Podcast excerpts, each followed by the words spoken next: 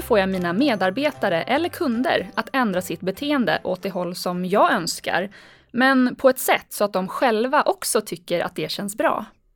I det här avsnittet gästas vi av Niklas Laninge som är psykolog, författare och även jobbar som beteendedesigner. Han ska berätta om verktyget nudging. Det här är Arbetsförmedlingens arbetsgivarpodd. Jag heter Elinor Wassberg.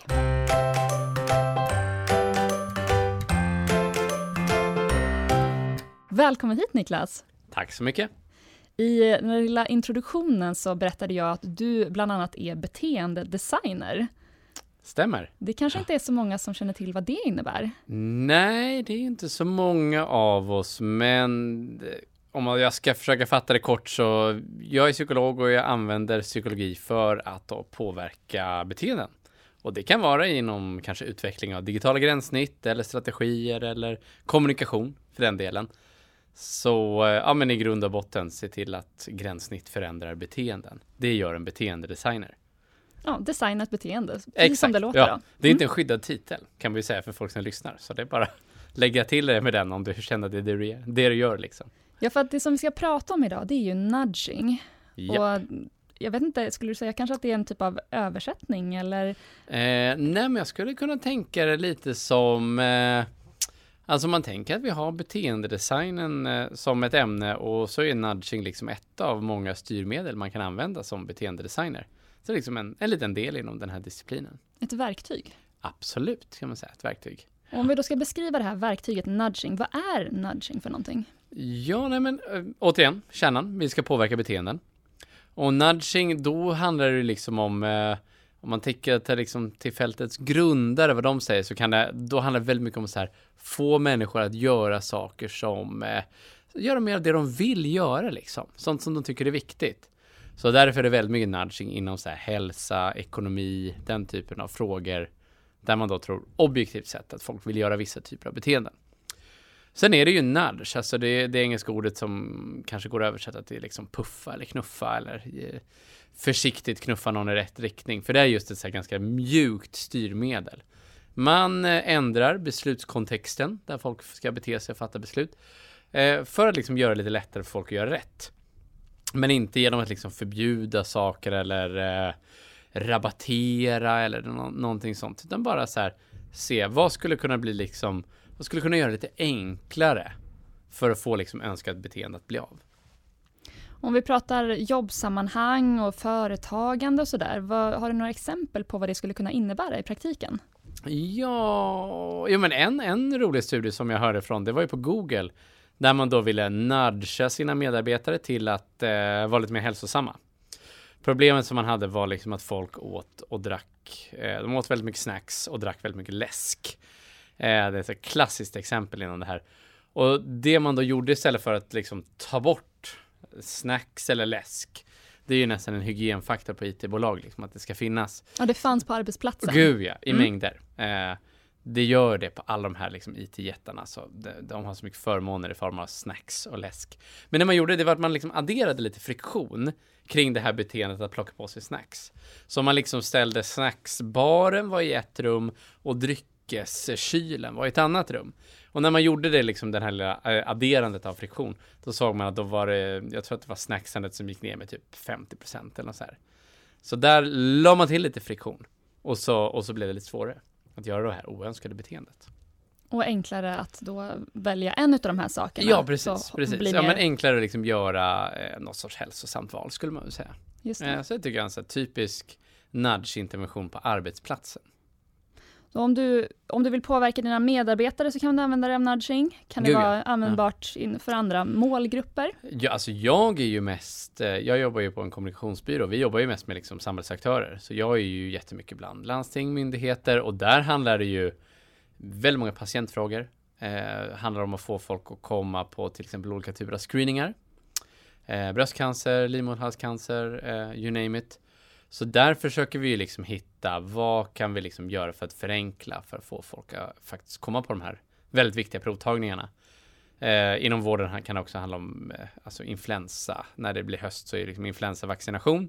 Och då finns ju vissa riskgrupper och det är väldigt viktigt att de riskgrupperna kommer på vaccination. Så där kan vi också titta på så här, vad, vad skulle vi kunna göra som gör det lite lättare att göra rätt. Eh, sen jobbar jag också med så här, kollektivtrafikoperatörer. Alltså få folk, eh, det här är ju det gagnar kunden för vi vill få folk att sluta planka. Det är inte så många som plankar men vill vi liksom att det ska vara lite lättare för folk att eh, betala för sig. Eh, så då tittar vi så här, vad skulle vi kunna göra för att designa om valsituationen för att det liksom ska bli lite lätt att göra rätt. Finns det något exempel på, men till exempel det här med tester då, eh, om, man, om man vill att man ska in och göra här mm. testerna inom vården, vad, vad är, hur kan man knuffa de här patienterna då? Ja, men det finns jättemånga bra exempel. Eh, Västra Götalandsregionen är jättebra på det här. De gjorde en sån studie där man testade, då var det liksom, eh, det var som en kampanj där då det handlade om att man skulle ta med en vän. Den hette till och med ta med en vän. Så när man liksom nåddes av den här informationen om att säga, ja, men du ska gå till en eh, eh, screening för livmoderhalscancer eh, och se till att ta med en kompis. Alltså bara en liten så här uppmuntran. Det var ju liksom inget tvång. Eh, och där tror jag att det var något så otroligt, typ 46% fler som kom.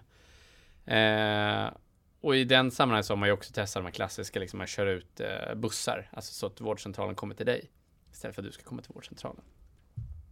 Tror eh, det som numera heter Region Stockholm gjorde något liknande med, med livmoderhalscancer. Där man, eh, man liksom döpte om den här kallelsen som kvinnor får. Så att istället kallar man det för inbjudan.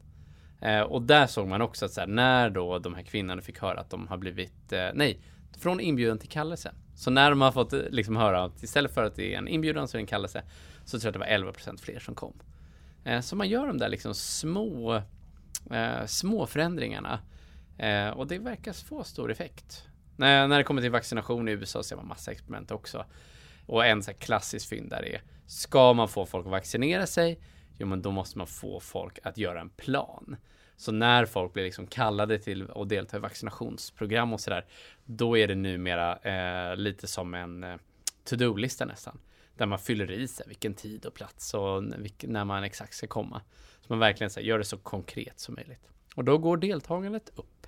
Mm. Så om man nu jobbar med sina medarbetare eller jobbar mot sin målgrupp, kanske också mot alltså, ja, kunder, det behöver inte bara vara medborgare, Nej, utan vill få sina kunder att ändra ett beteende, eh, så kan man ju jobba med de här små sakerna som mm. det handlar om att kanske bara döpa om någonting, som du pratar om, eller att ja, ja komma det... närmre dem genom de här bussarna till exempel. Ja men exakt, det är jag jobbar ju rätt mycket med men, att titta på gränssnitt, så här, försöka optimera. Ibland måste vi ju återfinna helt, skapa helt nya gränssnitt liksom. Att det, det finns inga lösningar som, eh, det går liksom inte att optimera dagens, de existerande gränssnitten. Men väldigt ofta så kan vi liksom titta på, ja men det här nyhetsbrevet med en annan inramning skulle kanske kunna upplevas eh, som att det är lite mer brådskande att man svarar eller eh, den här produkten, om vi kontrasterar den mot den här produkten, så kanske den skulle kunna framstå som liksom lite mera lockande. Så att säga.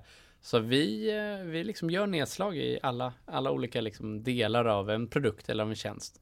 Och ser hur skulle vi liksom kunna använda den här psykologin för att skruva det lite mer så att vi, vi, vi får eh, ja, men folk att göra de beteenden som vi gärna vill att de ska göra. Så om det handlar om försäljning, eh, som du sa, kan det handla om att jämföra två produkter? För ser du bara den ena produkten kanske mm. du känner att oj, den här var dyr. Men om du jämför den med en ännu dyrare ja, produkt? Ja, absolut, absolut. Ja. Okay. Nej men ver verkligen, det är, det är ju verkligen en första rekommendation, liksom att om man om man tycker att man är bättre än konkurrenterna på ett eller annat sätt, eh, ja men lyft upp det kontrastera din tjänst mot konkurrenternas tjänst och verkligen på de parametrarna där, eh, där du är bättre.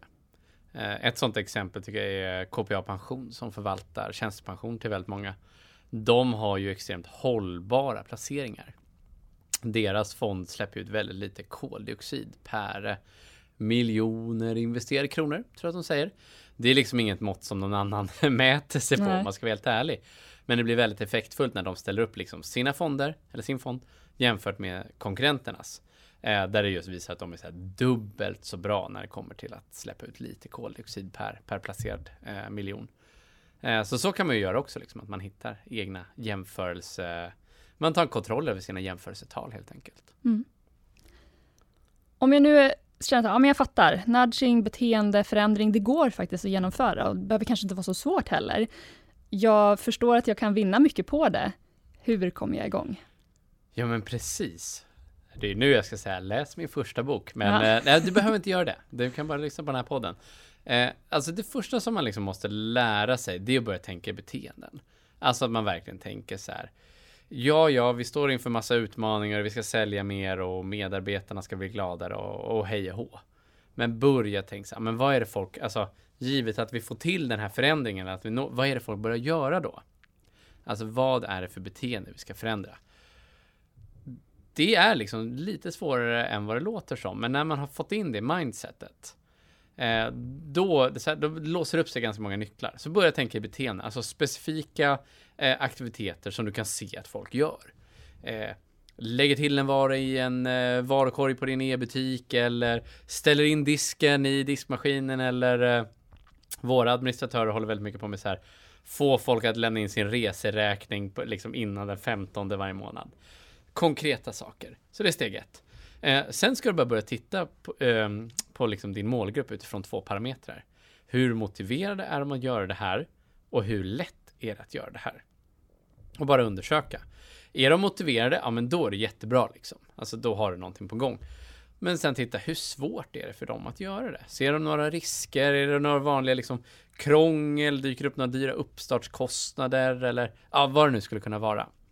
Eh, och då kommer till steg tre, liksom, och det är nästan alltid att börja skruva i förenkling. Alltså nudging är i regel alltid förenklingsinsatser. Så ha koll på vilket beteende du ska förändra. Hitta på vilket sätt är det svårt för din målgrupp att göra det här beteendet. Och sen börja titta, vad skulle vi kunna göra för att förenkla? Förtydliga information, eh, reducera antalet val. Jag var på en butikskedja som säljer, de har en vara i en kategori. Det finns 24 olika versioner av mm. den varan. Det är en hammare. Eh, och det blir liksom väldigt svårt för folk att köpa en hammare när det finns 24 olika sorts hammare.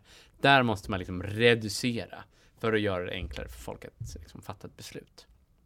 Så det skulle vara de liksom tre enkla stegen. Titta på utmaning som beteenden, förstå varför det är svårt och sen kom på knep, gärna från psykologin, som gör det liksom enklare.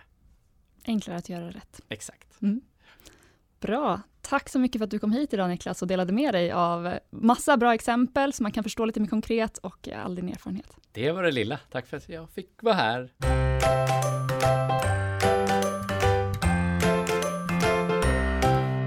Du har lyssnat på Arbetsförmedlingens arbetsgivarpodd med Niklas Laninge och mig Elinor Wassberg. Tekniker var PG Nordström. Det här avsnittet producerades hösten 2019.